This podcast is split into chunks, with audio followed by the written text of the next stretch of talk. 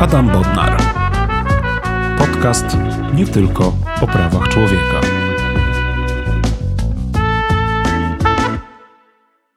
Szanowni Państwo, drogie słuchaczki, drodzy słuchacze, to jest podcast nie tylko o prawach człowieka. Rozmawiam z moimi gośćmi na tematy różne dotyczące przestrzegania praw człowieka, praworządności i demokracji. Dzisiaj chciałbym Państwa zaprosić do rozmowy na temat pandemii na temat tego, jak różne państwa europejskie radziły sobie z pandemią, na ile sytuacja Polski jest e, wyjątkowa, e, jakie błędy popełniliśmy i spojrzymy na to e, z perspektywy politologicznej. Będę rozmawiał i mam zaszczyt przedstawić panią doktor Katarzynę Grzybowską-Walecką. Pani doktor jest politolożką, wykładowczynią Uniwersytetu Kardynała Stefana Wyrzyńskiego w Warszawie jest e, obecnie stypendystką Jean Monnet Fellow e, w Centrum Roberta Schumana European University Institute we Florencji. W dawnych swoich doświadczeniach zawodowych była związana z polityką, była między innymi radną miasta stołecznego Warszawy. Współpracowała także z Organizacją Narodów, Narodów Zjednoczonych, z różnymi organizacjami międzynarodowymi. Napisała doktorat na temat współpracy partii politycznych e, na poziomie międzynarodowym e, przed i po 1989 roku. Wreszcie dodałbym, że jest także edukatorką, pracuje z młodzieżą, niedawno założyła Uniwersytet Młodego Badacza na UKSW, a taką jej ciekawą specjalnością jest badanie znaczenia mediów społecznościowych dla funkcjonowania współczesnych ruchów politycznych. Pani doktor, e, bardzo serdecznie dziękuję za przyjęcie e, zaproszenia i witam w podcaście. Dziękuję bardzo za zaproszenie. Witam serdecznie. Pani doktor, zacznijmy od takiej kwestii. E, mamy końcówkę marca 2021 roku. Minął już ponad rok od początku pandemii, tego początku, który wiążemy z lockdownem, e, z tymi pierwszymi przypadkami koronawirusa, przynajmniej w Polsce. Oczywiście w przypadku niektórych państw europejskich zdarzyło się to już e, trochę wcześniej, bo pamiętajmy, że już okres świąteczny na przełomie 2019-2020 roku to było obserwowanie, jak koronawirus się rozwija we Włoszech, następnie we Francji, w Hiszpanii. Do Polski można powiedzieć, że wirus dotarł właśnie w marcu 2020 roku. I z pewnością ten okres e, może być e, okazją do różnych e, analiz intelektualnych, tym także analiz z zakresu nauk politycznych. I chciałbym się spytać, czy już po upływie tego roku pani widzi jakieś takie główne trendy badawcze wśród politologów, politolożek w zakresie analizy tego, co się zadziało w polityce państw europejskich przez ten okres już ponad roku. Rzeczywiście to już, e, to już rok, a nawet więcej od, od kiedy usłyszeliśmy e, o pierwszych sygnałach pojawiającej się pandemii i rzeczywiście ten wybuch we Włoszech spowodował rozlanie się tej pandemii na całą Europę.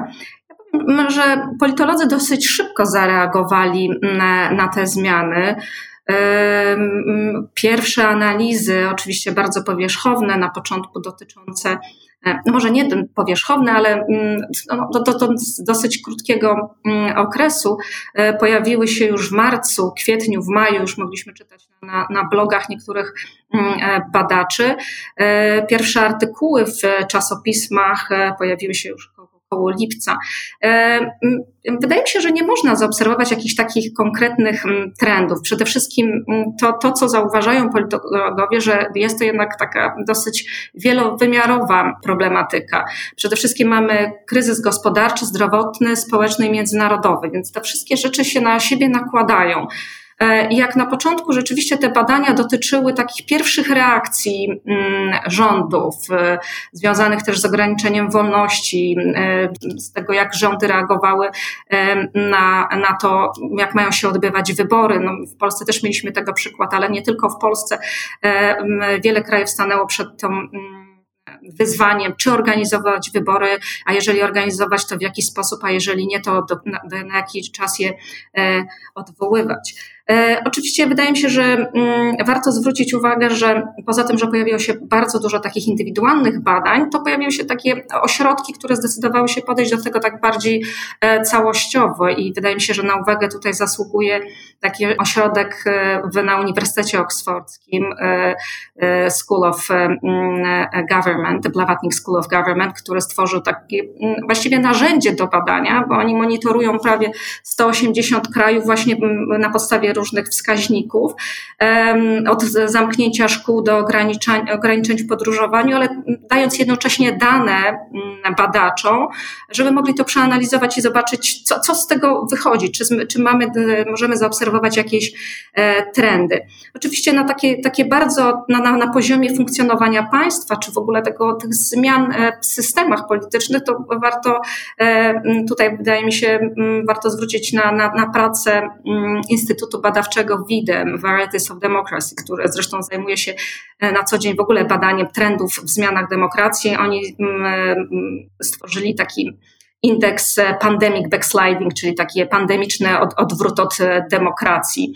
Ale to jest ten instytut, który właśnie tak niedawno Polskę dość krytycznie ocenił. To jest ten sam? Tak, tak, tak. To jest, to, to jest ten sam. E, to jest ten sam instytut, który rzeczywiście ma bardzo dużo badaczy, którzy, którzy od, zresztą sama jestem akurat też badaczką w tym instytucie, ekspertką, jedną z wielu, wydaje mi się, z kilkuset ekspertów którzy kodują, nazwijmy to, e, właśnie na temat, na temat Polski ale rzeczywiście jakkolwiek e, na pewno znajdzie się wielu krytyków, zresztą w nauce jest tak zawsze, że znajdzie się grono, które będzie krytykowało. Wydaje mi się, że na dzień dzisiejszy akurat te informacje, te, dane, które możemy, to jest jedno z najbardziej kompleksowych danych na, na temat zmian zachodzących państwach e, na świecie, nie tylko w Europie, bo, bo rzeczywiście obejmuje on e, właściwie wszystkie państwa i patrzymy na te na trendy odchodzenia od demokracji, ale też no, czy te kraje się przesuwają e, bliżej demokracji, to jest bardzo, bardzo szczegółowy, bardzo szczegółowy wskaźnik. To chyba te dwa główne. No, po, poza tym, że idea jeszcze też bardzo cały czas możemy wejść na ich stronę, bardzo ładnie też pokazuje cały czas, co się dzieje z wyborami. Może powiedzmy y, słuchaczom i słuchaczkom, że idea to chodzi o organizację międzynarodową, która się nazywa, pełna nazwa to jest International IDEA i ona prowadzi takie dogłębne też badania właśnie dotyczące wpływu E, koronawirusa na jakość e, demokracji. Tak, e, zdecydowanie. Oni się skupiają w dużym stopniu na, na wyborach i, i pokazuje, co się dzieje, w, w których krajach zostały odwołane wybory, w których się odbyły wybory. Jednocześnie przyglądają się temu, czy zostało zmienione prawo w związku z tymi wyborami, czy dostosowano w ogóle prawodawstwo danego kraju.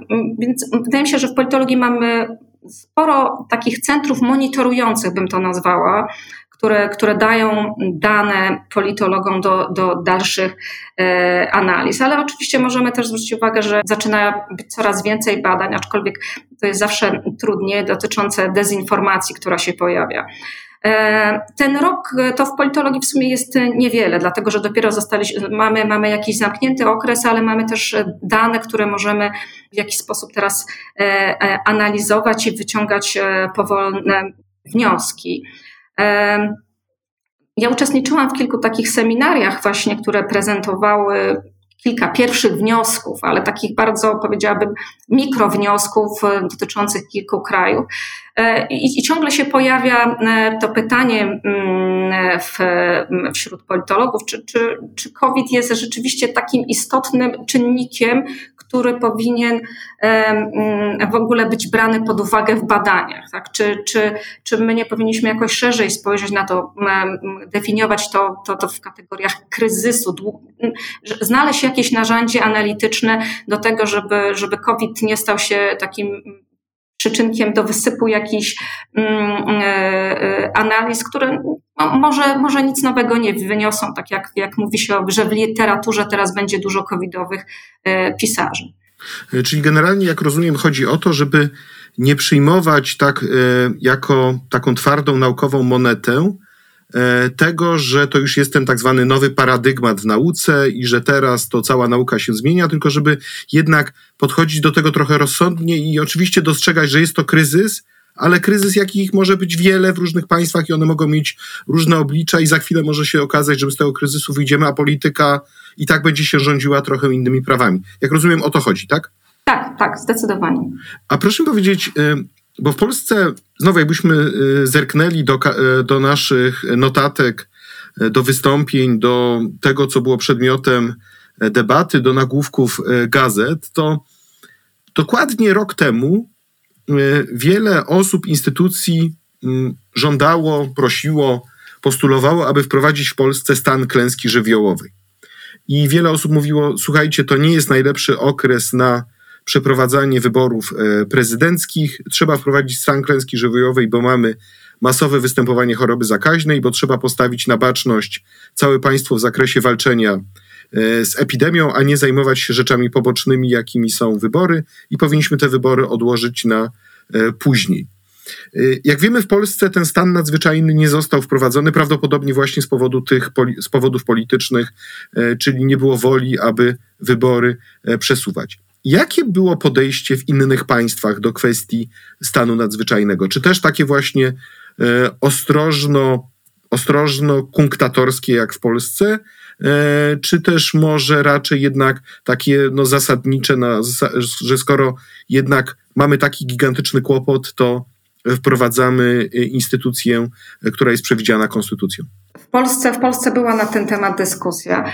Te, z, z, badań, które przeprowadziłyśmy na samym początku pandemii mm, z dr Wojta, z którym, zresztą mm, jakby efektem tych, tych takich wstępnych badań, bo to był maj, jest e, raport pod tytułem Lockdown e, demokracji, mm, który został zrealizowany we współpracy z Fundacją Konrada Adenauera, no i był efektem też webinarium na ten temat którego pan profesor był gościem.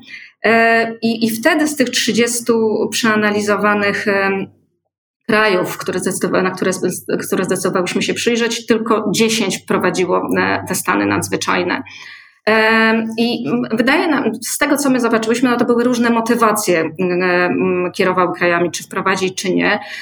Mówi się, że szereg krajów, na przykład Wielka Brytania czy, czy, czy Niemcy, e, nie wprowadziły to ze względu na, na, na konotacje historyczne, bądź dlatego, że w ogóle takie stany nie, nie, nie funkcjonują, tak, ta, taka formuła nie istnieje e, w, w, w ich konstytucjach czy rozwiązaniach e, prawnych. To, to, to, wydaje mi się jest jeden argument. Mm, I ja bym chciała zwrócić uwagę, bo właściwie chyba pierwszym krajem, który wprowadził stan wyjątkowy w Europie, to były Włochy.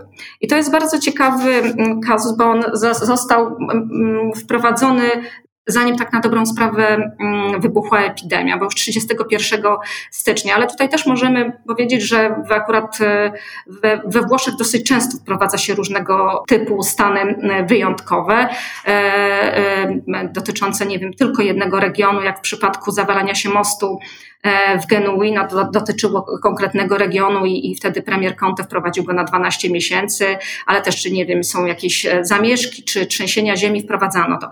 No ten, ten, ten stan wyjątkowy był takim pierwszym, który został, został wprowadzony rzeczywiście na obszarze całego e, kraju i taki, no, można powiedzieć, jakby przygotowanie do tego, że będzie kryzys sanitarny. Na, na ile to, to, to decydowało o tym, czy to ma ułatwić rządzenie e, e, krajem, czy, czy, czy też nie, to to trudno powiedzieć. No, wydaje mi się, że mm, w odniesieniu do Włoch, no, ze względu na to, że akurat mieszkam we Włoszech i jakoś e, w dużym stopniu podążam tym, co się tutaj dzieje, bo dotyczy to też mojego codziennego życia, na ile się zmieniają tutaj przepisy. Mm, stanu wyjątkowego we Włoszech wydaje mi się, że w dużym stopniu pomogło e,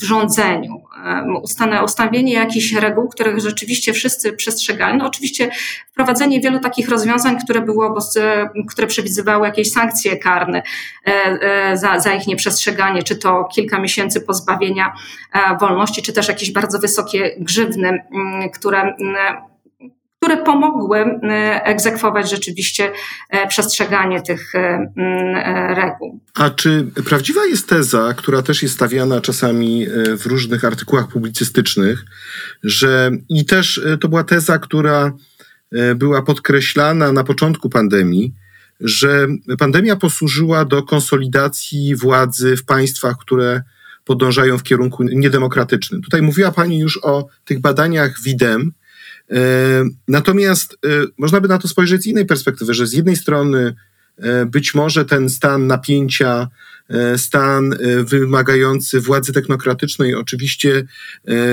popycha państwa w takim kierunku niedemokratycznym, szczególnie jeżeli nie ma normalnych, rzeczywistych mechanizmów kontroli władzy. Ale z drugiej strony przecież władza też bierze na siebie wielką odpowiedzialność za to, że e, czy przeprowadzi państwo przez e, pandemię. Jak pani na to patrzy i czy są jakieś inne, e, bo oczywiście obserwujemy sytuację w Polsce, ale czy są jakieś sygnały z innych państw? Mm, no, rzeczywiście, wspomniany Widem pokazał też w, tych, w tych takich badaniach mm, dotyczących, jaka, jaka jest szansa, że państwa zmierzające w kierunku niedemokratycznym, bądź jak oni to definiują, E, wyborcze e, autokracje bądź wyborcze mm, demokracje mają szansę na to, że, że bardziej będą konsolidować swoją mm, władzę bądź przesuwać się w tym takim, na tym suwaku w kierunku e, autorytaryzmu. I, i zdecydowanie to, to, co oni zauważyli, mm, co, bada, co Bidem zauważył, że, że właśnie takie te hybrydowe reżimy, które ciągle mają wybory, są bardziej narażone na to, że, że dojdzie do większej konsolidacji władzy. Wydaje mi się, że no Polska i, i Węgry są tutaj takim e, na, najlepszym przykładem, e,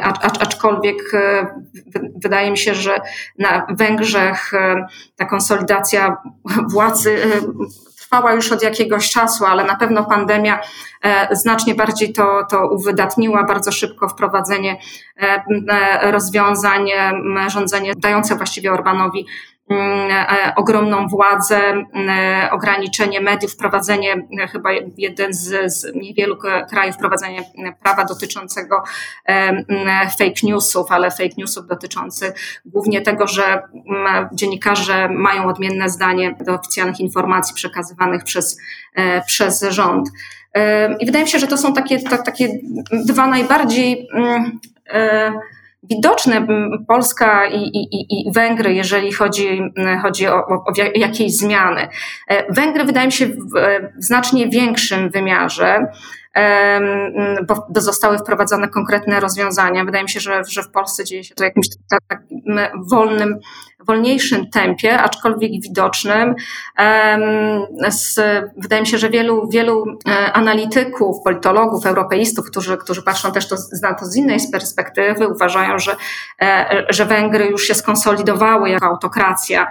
Natomiast w Polsce, e, w Polsce nie możemy jeszcze o tym mówić i, i, i ciągle ciągle Polska postrzegana jest jako taki kraj, który, który jednak będzie mm, odwracał te procesy, albo jest szansa na odwrócenie tych niekorzystnych tendencji. Ja tak, jeżeli mogę, ja uważam, że Polska się tym różni od Węgier, że my ze względu na różne takie przestrzenie pluralizmu, a do nich należy między innymi Senat, jednak kilka niezależnych mediów, istotnych mediów, E, lokalne samorządy e, i społeczeństwo obywatelskie, też środowisko prawnicze, e, to wydaje mi się, że u nas wciąż jesteśmy na etapie takiej swoistej nadziei. To znaczy nadziei takiej, że możemy odejść od tych procesów, że ten proces wyborczy może przynieść weryfikację i powrót normalnych reguł, czy w miarę normalnych reguł demokratycznych. Na Węgrzech no, mam wrażenie, że to jest po prostu znacznie, znacznie trudniejsze.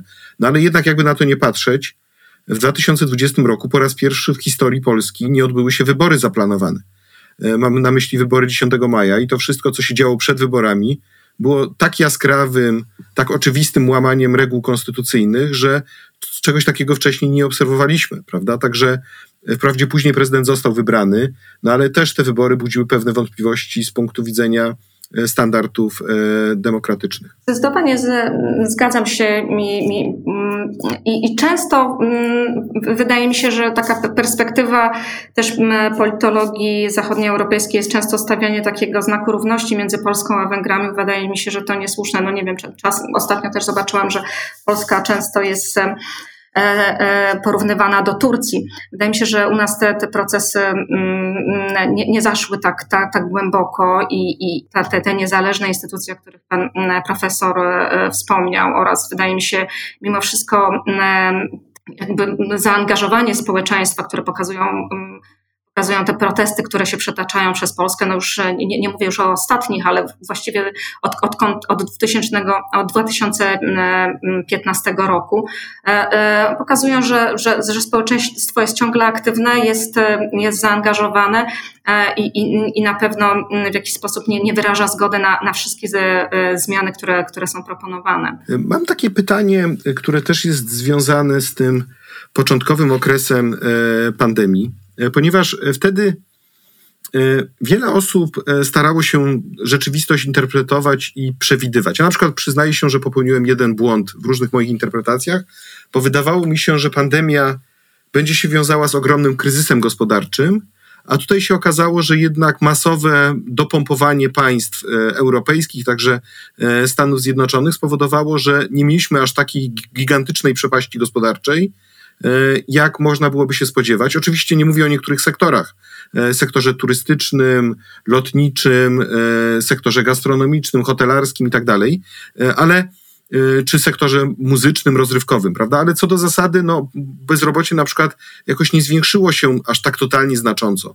E, tak, żeby to, to, żebyśmy to mogli jakoś obserwować e, na ulicach. E, I, I to jest na przykład uważam, że, że błąd, że, że źle oceniałem i przewidywałem rzeczywistość, ale na przykład w wielu artykułach, w tym między innymi w takim dużym wywiadzie, także w eseju napisanym przez Yuvala Harariego, tego znanego filozofa, pojawiła się taka teza, no zobaczcie, teraz właśnie to cała pandemia posłuży do tego, żebyśmy zbudowali społeczeństwo nadzorowane, żebyśmy, żeby państwa miały łatwą wymówkę, żeby zbudować sieć elektronicznego nadzoru nad obywatelami, bo zawsze będzie można powiedzieć: proszę, my was bronimy przed tym inwazyjnym wirusem e, i przed tym zagrożeniem, które gdzieś czyha e, za rogiem, i w związku z tym musicie instalować różne aplikacje w telefonach, albo na różne inne sposoby będziemy sprawdzali, jak się przemieszczać.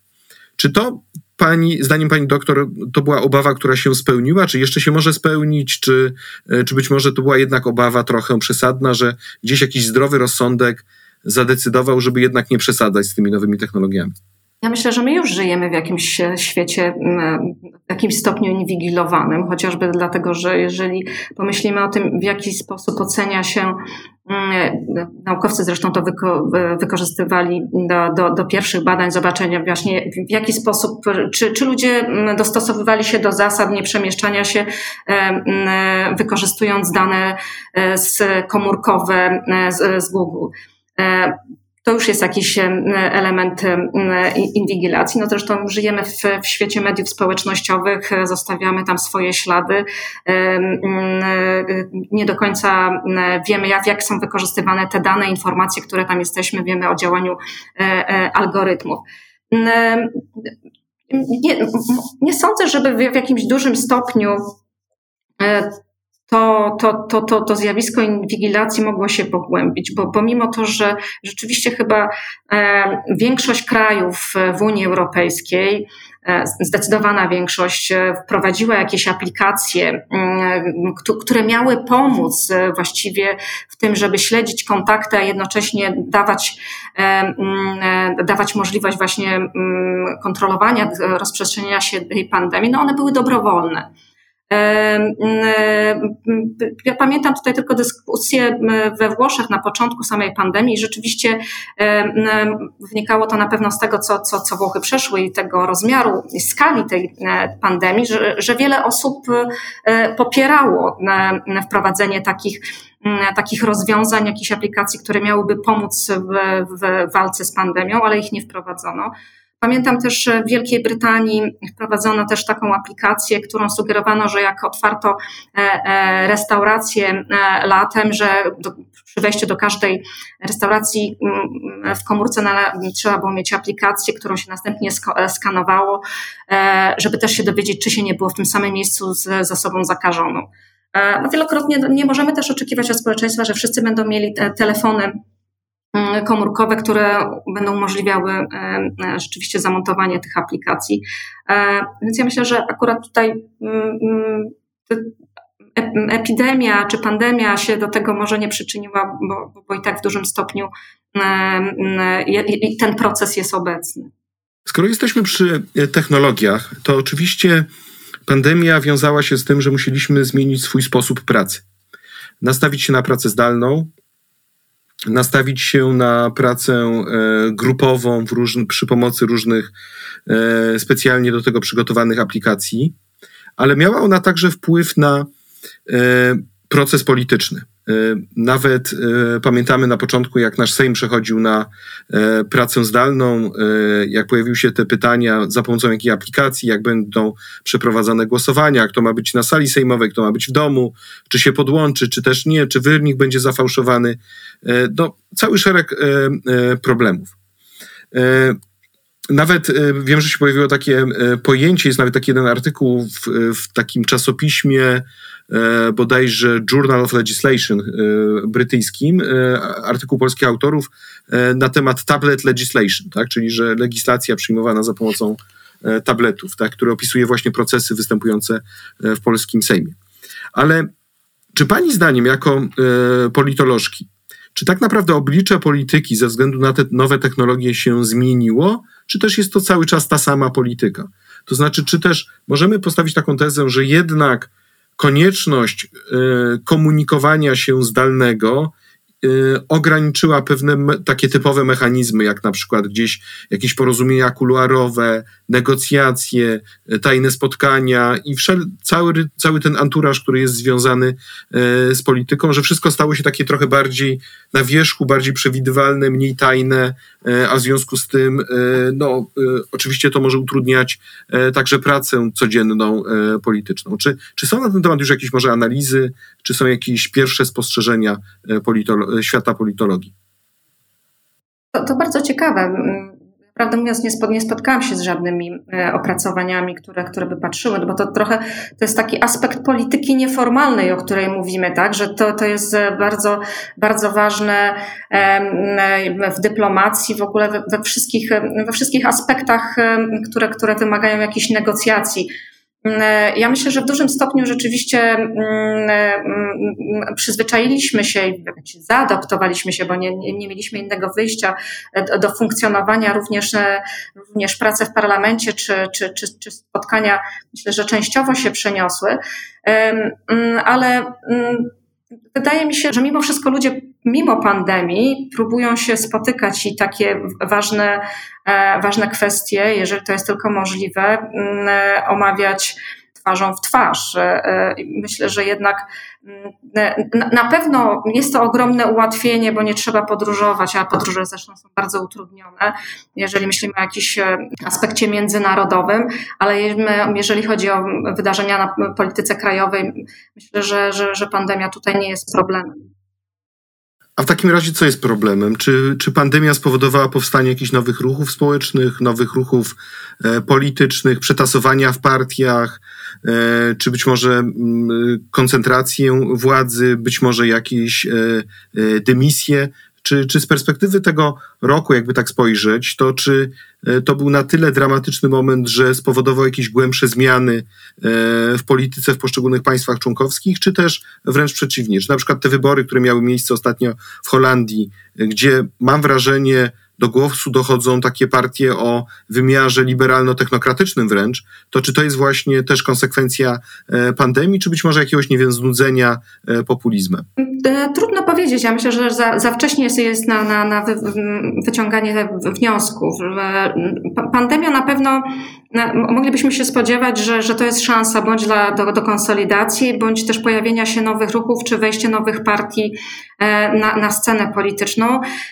Ale jeżeli pomyślimy o tym, w jaki sposób społeczeństwo odbiera tą całą sytuację, ten poziom stresu, to zdecydowanie, jak pokazały przynajmniej po początki pandemii, no Później to się zmieniało, ale większość obywateli ufała swoim rządom, tak? bo, bo polegała na nich i, i, wydaje mi się, że, że, że, że ten, ten element niepokoju powodował, że, że w kimś należało pokładać nadzieję, a nie w kim, jeżeli w rządzie, w którym oczekujemy, że jest przewidywalny i jest w stanie zapanować E, e, nad sytuacją. W, Polsce no, widzimy, że pandemia w jakiś sposób doprowadza do, do, do, do niespójności Zjednoczonej e, Prawicy.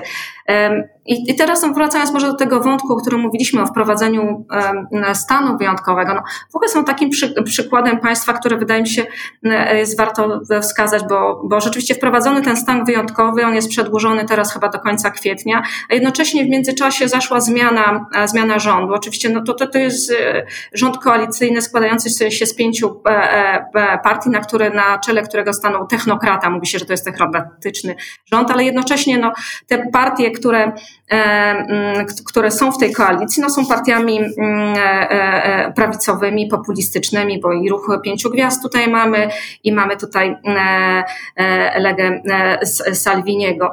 I mimo wszystko, że nastąpiła ta zmiana, upadek jednego z rządu, a następnie stworzenie drugiego, co zajęło trochę czasu i te negocjacje koalicyjne, jakby mm, nie było tutaj takiego poczucia, że, że, że rząd nie panuje nad tym, nad tym, co się dzieje. Pewnie wypracowany sposób zarządzania krajem w czasie pandemii, e, ustalenie pewnych e, e, wyznaczników dało możliwość tak kontynuowania, kontynuowania rozpoczętych działań przez wcześniejszy rząd. Tu mam na myśli głównie takie pragmatyczne E, praktyczne rzeczy, że podzielenie kraju na, na ileś stref, które funkcjonuje właściwie już od kilku miesięcy, e, ustalenie, kiedy jest, co w tych strefach, jakie są obostrzenia i kiedy dany region trafia e, do, do, do, do innej strefy kolorystycznej, czyli do większego bądź mniejszego poziomu obostrzeń. I wydaje mi się, że taka przewidywalność działań rządu, także, że wiemy, że dane poziom zachorowań będzie się wiązał z tym, że no będziemy, będziemy po prostu musieli, nie wiem, zamknąć szkoły, zamknąć sklepy, a jeżeli rzeczywiście dany region sobie lepiej będzie radził, będziemy mogli powracać powoli do jakiegoś normalnego życia. Jest, jest bardzo ważne z takiego aspektu e, społecznego. E, we, Włoszech, i tutaj też jest ciekawe, że pojawił się nowy ruch, tak? I to jest e, to, to w takiej kontekście w ogóle dyskusji na, na temat polexitu, no pojawiła się tutaj partia, która właśnie jest, e, nazywa się Italexit, tak? E, jest to partia, może ruch, bo to jest to dosyć świeża sprawa, której przewodniczy senator, były senator z ruchu pięciu gwiazd, czyli partii populistycznej, ale który jeździ już po kraju i właściwie to jego głównym postulatem to jest, to jest opuszczenie E, przez Włochy e, Unii Europejskiej. Oczywiście powołując się na to, e, jak Unia Europejska zachowała się w tym obliczu pandemii na początku, na początku roku.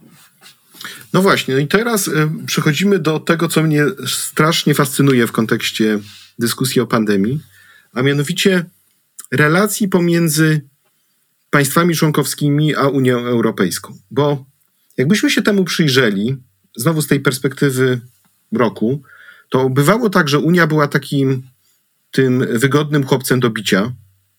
E, ja nawet pamiętam, że jako rzecznik pisałem takie pisma e, do premiera, żeby może jednak nie dezinformował obywateli na temat e, wpływu Unii Europejskiej na walkę z pandemią, ponieważ no, pan premier to przedstawiał na zasadzie takiej trochę, że Unia nic nie pomogła, co było akurat y, bzdurą, bo mogła, bo całkiem sporo pomogła wtedy, kiedy, y, kiedy to było niezbędne. Y, a co więcej, musimy pamiętać, że Unia nie ma wyraźnych kompetencji w zakresie ochrony zdrowia. Teraz jesteśmy na innym etapie, a mianowicie przyjęcia tego gigantycznego programu odbudowy, tego gigantycznego nowego budżetu Unii Europejskiej na kolejne lata i i mierzymy się z tym, żeby ten e, e, fundusz odbudowy był ratyfikowany przez e, poszczególne państwa.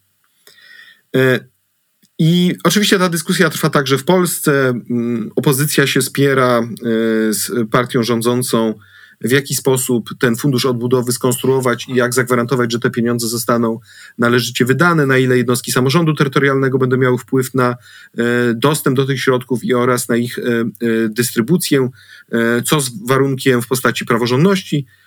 No cały szereg różnych tematów, które się w tym zakresie pojawiają.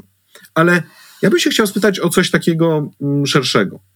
A mianowicie, na ile zdaniem pani doktor fakt przejścia przez COVID przez epidemię koronawirusa przez wszystkie państwa europejskie, a następnie korzystanie z funduszu odbudowy będzie skutkowało dalszą federalizacją Unii Europejskiej i także budowaniem tożsamości e, europejskiej.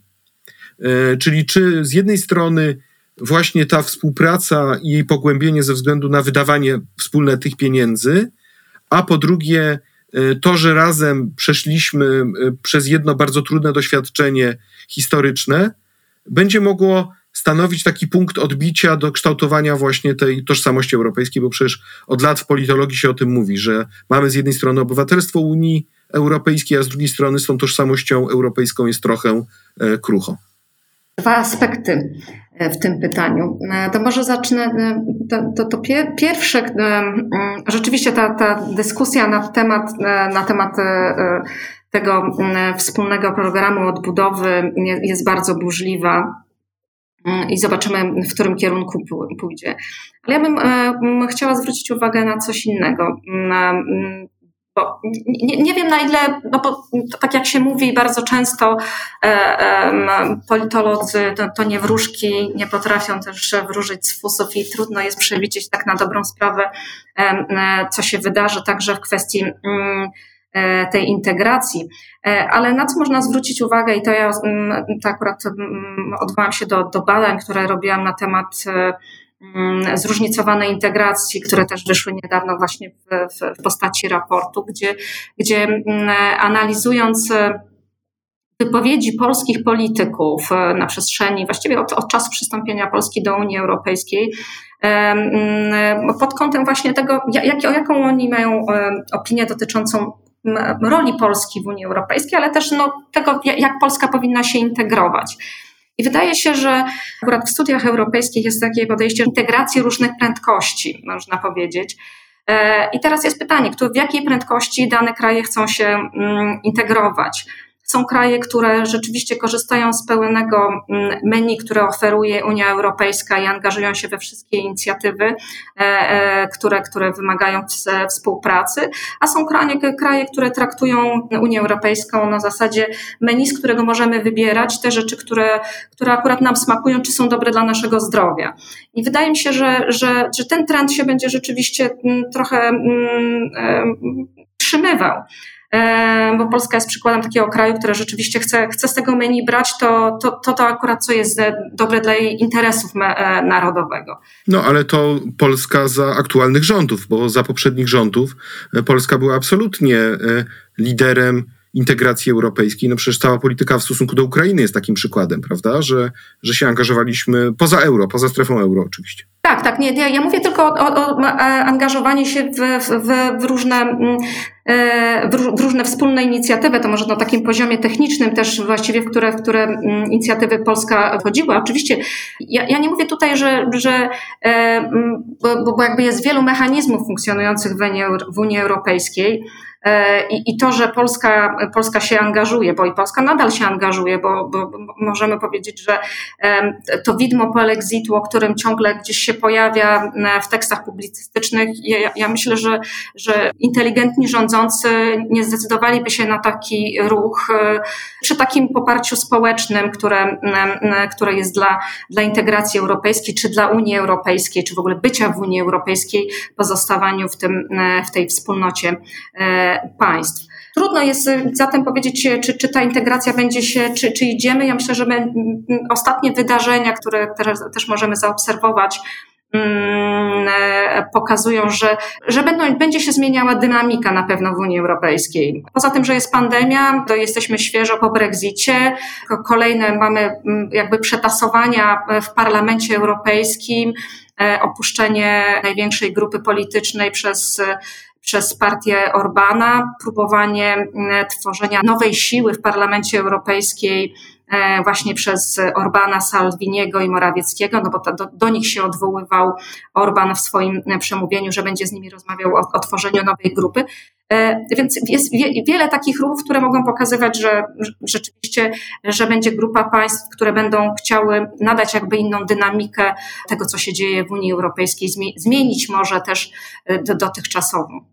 A co z obywatelstwem Unii Europejskiej i tożsamością europejską? Czy, czy, czy faktycznie mamy Czy możemy mieć wspólną tożsamość po tym, co przeżyliśmy, po tym doświadczeniu, że wszyscy jak jeden mąż, jak jedna żona siedzieliśmy w domach, mieliśmy lockdown, czy byliśmy mieszkańcami Słowenii, czy Litwy, czy Polski, czy Francji, czy Hiszpanii, to wszyscy doświadczyliśmy epidemii, doświadczyliśmy tragedii osobistych, śmierci, a później wszyscy razem z tego będziemy wychodzili, także dzięki szczepionkom, które są no, dystrybuowane na skalę e, ogólnoeuropejską. Czy to może być coś takiego, co będzie wpływało na to poczucie solidarności, więzi między obywatelami państw członkowskich? Moglibyśmy zacząć od takiego pytania, co to znaczy być Europejczykiem, tak? Jak się buduje ta tożsamość europejska, na czym ona się opiera? Czy ona jest jakimś elementem naturalnym, czy, czy wynikiem procesów społecznych i, i jakiejś, e, które tworzą tą społeczną e, konstrukcję, że, że czujemy się Europejczykami. Ja nie wiem, na ile ta pandemia będzie rzeczywiście takim asumptem do, do, do budowania, do wzmacniania więzi, bo równie dobrze moglibyśmy powiedzieć, że może się nam jakaś nowa tożsamość e, e, światowa, dlatego że, że faktycznie no, mamy pandemię, która i wszyscy, wszystkie kraje przechodzą e, pandemię i w jakimś stopniu rzeczywiście dotykają jej. Ale myślę, że to, co jest ważniejsze, że ta, ta solidarność szczepionkowa jest takim elementem dosyć istotnym mm, i bez względu na to, jaka dyskusja się toczy, myślę, że, że Unia Europejska akurat tu odgrywa bardzo ważną, e, ważną rolę, e, bo dzięki temu te szczepionki mm, trafiają, e, trafiają do krajów członkowskich. Nie, nie, nie mamy tutaj potrzeby, żeby każdy kraj członkowski indywidualnie negocjował z, każdym, z każdą firmą farmaceutyczną kwoty, które należy dostarczyć do kraju. Myślę, że ten mechanizm w jakiś sposób buduje i pokazuje, że, że jesteśmy, że, że Unia Europejska jest w stanie stanąć na wysokości e, zadania. No, po tym kryzysie początkowym z, z marca w kwietnia, kiedy, kiedy rzeczywiście e, mogliśmy mówić o tym braku solidarności, tak, że e, wtedy wszystkie kraje się zwróciły do wewnątrz i bardzo skupiły się na tym, co się dzieje w ich, w ich krajach. No, mamy, mamy tutaj te, całą masę tych nowych pojęć. Ja myślę, że w ogóle pandemia służy temu, że pojawiają się nowe pojęcia tego nacjonalizmu szczepionkowego, czy też dyplomacji szczepionkowej, kolejnego zjawiska, zjawiska związanego z, z negocjacjami, kiedy te szczepionki mają się pojawić, czy nie. W odniesieniu do tożsamości, mm, nie wiem na ile to jest ważne, bo wydaje mi się, że to, co, co buduje tą tożsamość, to jest też e, to, że, że my się ze sobą spotykamy, mamy ze sobą interakcje funkcjonujemy. Jeżeli spojrzymy na, na sektor edukacji, to co buduje, myślę, kolejne pokolenia e, Europejczyków, to na pewno wymiana w ramach programu Erasmus, który na, na jakiś czas został zawieszony, uniemożliwił e, studentom, młodym ludziom podróżowanie, poznawanie nowych krajów, nowych kultur, bo nawet w Unii Europejskiej niekoniecznie znamy siebie bardzo dobrze i jest to dobre doświadczenie, które wydaje mi się częściowo buduje taką tożsamość E, europejską. Zwłaszcza myślę tutaj jest to ważne dla młodych ludzi, którzy teraz e, są zamknięci i brakuje im takich kontaktów nie tylko międzyludzkich z najbliższym otoczeniem, ale właśnie takich doświadczeń e, ogólnoeuropejskich. Moje ostatnie pytanie dotyczące i tego tematu, i zarówno pandemii, jak i Unii Europejskiej, związane jest z przyszłością, jeszcze raz, integracji europejskiej, ponieważ ja jestem takiego zdania, że żeby całą integrację postawić na nogach tak porządnie, żeby ten projekt europejski miał jakąkolwiek szansę e, funkcjonowania, a nie był tylko i wyłącznie porozumieniem między państwem, państwami, które e, służy celom mniej lub bardziej technokratycznym, to że on musi się opierać o jakieś bardzo konkretne wartości. I tak sobie pomyślałem, że gdybyśmy mieli jakiegoś lidera politycznego, który by powiedział tak, Słuchajcie, chciałbym doprowadzić do tego, żeby w 2040 roku, żebyśmy mieli wtedy jednolity standard ochrony zdrowia w całej Unii Europejskiej. Czyli żebyśmy podchodzili do prawa do ochrony zdrowia jako tego fundamentalnego dla każdego obywatela, e, który jest związany też e, no, z zasobnością portfela e, w poszczególnych państwach, z produktem krajowym brutto E, z budżetami poszczególnych państw członkowskich, żebyśmy naszą integrację oparli na tym, że budujemy coś, co jest jednolite dla całej Europy, całej Europy a, a jednocześnie jest oczywiście na, na maksymalnie wysokim poziomie, który jest e, e, i zabezpiecza interesy tych kilkuset milionów e, Europejczyków, e, obywateli Unii Europejskiej. E, czy Pani zdaniem e, tego typu wizja polityczna, właśnie integracji, która by się opierała na jednolitym standardzie respektowania tego konkretnego prawa socjalnego, jakim jest prawo do ochrony zdrowia, miałaby szansę e, realizacji jako właśnie ten nowy pomysł na integrację europejską. Ale mówimy o 2040 roku, także nie, nie bez przyczyny. To, to, to jest pytanie, gdzie będzie Unia Europejska w 2040 i czy rzeczywiście um, liderzy uznają, że do, dotychczas, że ochrona zdrowia, która dotychczas została pozostawiona w kompetencjach e, krajów członkowskich, nagle, e, e, nagle będzie mm, rzeczywiście ważnym aspektem. To, to też zależy od tego, w jaki sposób, czy rzeczywiście to, to jest nasza pierwsza pandemia, pandemia, czy, czy czekają nas jakieś kolejne wydarzenia związane z, z innymi wirusami, które mogą, e, mogą się e, pojawić.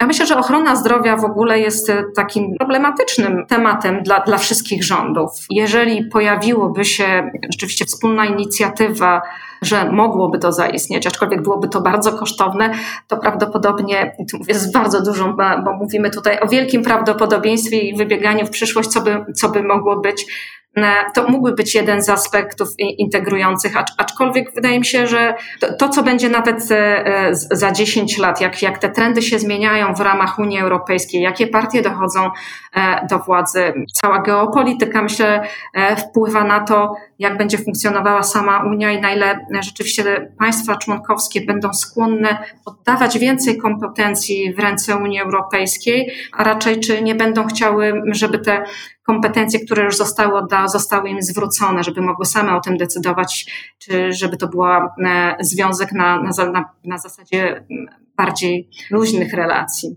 między państwami. No dobrze, no ale spójrzmy, no porównajmy na przykład e, Unię Europejską do Stanów Zjednoczonych i proces szczepień. Proszę. E, Joe Biden zadeklarował, że w ciągu 100 pierwszych dni prezydentury zaszczepi 100 milionów obywateli zrealizował swój plan w 58 dni, tak? A w Unii Europejskiej my cały czas gdzieś jesteśmy, no jednak nam trochę daleko do, taki, do zrealizowania e, tego planu, e, a akurat państwo, które jest poza Unią, e, czy to Wielka Brytania, czy Izrael, no już się całe prawie zaszczepiły, tak? Także może jednak ta silna koordynacja na poziomie no wręcz tutaj tym ponadnarodowym, federalnym, ma znaczenie, ma sens i pozwala na osiągnięcie takich właśnie szybkich efektów skali i lepsze radzenie sobie z różnymi problemami. Czy spójrzmy na inny kłopot, e, przemieszczanie się lekarzy, pielęgniarek, gdzie no, bogatsze państwa e, wykupują i robią drenaż mózgów państw biedniejszych. I w Szwecji mamy dobrą opiekę zdrowotną, a w Polsce brakuje lekarzy. Czy to wszystko nie są takie właśnie wyzwania, które by mogły spowodować myślenie, że słuchajcie, powinniśmy pomyśleć o tym, bo to jest w interesie nas wszystkich, żeby, stworzyć jednolite, porządne e, prawo do e, odpowiedniego poziomu ochrony e, zdrowia. Zdecydowanie tak, ale Stany Zjednoczone, Izrael oraz Wielka Brytania są tutaj dobrymi przykładami rzeczywiście będących e, liderami w szczepieniach. Tam, tam, mamy do czynienia e, z państwami, gdzie, gdzie mm, rzeczywiście jest jeden ośrodek decyzyjny, który, który może podjąć taką decyzję. Tutaj mamy mimo wszystko do czynienia z Unią państw, przed którymi stoją też wyzwania, wydaje mi się, nie tylko dostępności, niedostępności, ale szczepionek, ale też organizacji samego procesu szczepień.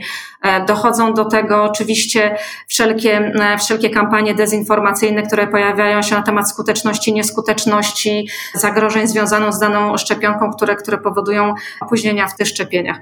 E, na pewno, tylko potrzebowalibyśmy jakiegoś lidera, który e, potrafiłby przekonać pozostałe państwa, że, że, że, możemy rzeczywiście zbudować wspólną służbę zdrowia, no bo to chyba miałoby do tego doprowadzić, a jednocześnie wiązałoby się chyba z e, zainwestowaniem ogromnego, ogromnych e, środków, e, bo służba zdrowia jest jednym z najbardziej kosztownych i, problematycznych też dziedzin polityk publicznych. Zobaczymy, zobaczymy, czy tacy politycy się pojawią, ale ja myślę, że to może w tym kierunku pójść. To znaczy, że, że to wspólne doświadczenie i chęć pogłębiania integracji europejskiej może po prostu skutkować tym, że będą się pojawiały tego typu pomysły. Ostatnie pytanie. Wyobraźmy sobie, że ma pani teraz, pani doktor, dwa tygodnie wolnego i dostała pani zadanie E, ok, powiedzmy miesiąc, tak? Miesiąc absolutnie wolnego, wszystkie tam seminaria, e, obowiązki rodzinne i tak dalej. E, jest pani z tego zwolniona i ma pani za zadanie napisać w ciągu miesiąca porządny artykuł naukowy albo mini książkę, która byłaby poświęcona ostatnim miesiącom życia w warunkach pandemii. Jaki byłby tytuł tej książki bądź tego artykułu naukowego? Na jaki temat pani by E, napisała. Jakby pani teraz mogła taki fachowy, naukowy temat e, podać na takim spontanie, e, którym by się pani chciała zająć. Duże wyzwanie. Czym bym się chciała zająć? Właśnie paradoksalnie to nie, to nie byłby, ale to musi być dotyczyć COVID-u, tak? I pandemii. Tak, tak, tak, absolutnie. Ostatni rok COVID plus nauki polityczne. To jaki to byłby ten. COVID plus nauki polityczne. No, na pewno e, doty- wydaje mi się fascynujący jest ten, ten, ta, ta dezinformacja, która się pojawia e, i związany z nim proces szczepień. Aczkolwiek nie jestem specjalistką w ogóle w, w ochronie, zdrowy, e, ochronie zdrowia, ale wydaje mi się, że, że ta, ta pojawiająca się dezinformacja i w jaki sposób ona Mm, wpływa na ludzi, na zachowania, jest, jest takim tematem, który, który warto by pogłębić. Mnie osobiście najbardziej interesują rzeczywiście mm, raczej partie polityczne i ich zachowania. Nie, nie ukrywam, że to jest e, i, i, i relacje między nimi, więc to jest nieodmiennie coś, na, na co ja zwracam e, e, uwagę, jeżeli miałabym oczywiście spojrzeć to z perspektywy pandemii, to, to prawdopodobnie jak się zmieniła komunikacja też partii politycznych, politycznych z, z, z obywatelami. E, czy, czy, czy ta pandemia rzeczywiście wyniosła je na jakiś e, inny poziom, czy, czy to, co kiedyś mówiliśmy, że jest ewenementem i partie polityczne, które komunikowały się za pośrednictwem właśnie internetu, były jakimś nowum, czy, e, czy, czy, czy partie, nazwijmy to stare partie, nagle zdecydowały się trafiać również do swoich wyborców i, i sympatyków za, za pośrednictwem właśnie mediów społecznościowych. Czyli co? Czyli moglibyśmy na przykład zaprojektować takie dwa artykuły. Pierwszy, wpływ obcych sił na dezinformację w kontekście szczepienia obywateli Unii Europejskiej AstraZeneca. Tak, to pierwszy. Ojej, nie, ja bym nigdy takiego tematu, bo, bo to trochę taka teorie konspiracji, to teraz też są takie. No ale ktoś musi tą dezinformację szerzyć. No tak, to, no, czy to już się pojawiają, kto ją szerzy, tak? E, mamy takich głównych, e, e, zawsze podejrzanych w tej, w tej kwestii. No ale chyba nie bez powodu. Są też prace naukowe na ten temat, prawda? No to nie odkrywam Ameryki tutaj w tym zakresie, tak? Tak, no wybory prezydenckie w USA, no przecież to zostało naukowo udowodnione, tak? Mamy za, zawsze te, tych, tych dwa, dwa podmioty, Rosja i Chiny, tak? Okej, okay, a drugi temat... Y efekt Szymona Hołowni, czyli powstanie nowej partii politycznej e, i e, jej wzrost e, jako efekt wykorzystania nowych metod komunikacji w dobie pandemii. To mógłby być taki temat drugi? Mógłby być taki temat drugi. No proszę, no to dwa tematy. Drodzy Państwo, jeżeli pani tego miesiąca nie będzie miała, pani doktor, to innych e, e, naukowców, e, e a może magistrów przyszłych, a może przyszłych doktorów zachęcamy do podjęcia badań na ten temat. Drodzy Państwo, drogie słuchaczki, drodzy słuchacze, moim gościem była pani doktor Katarzyna Grzybowska-Walecka. Bardzo serdecznie pani dziękuję za udział w podcaście. Dziękuję bardzo, panie profesorze.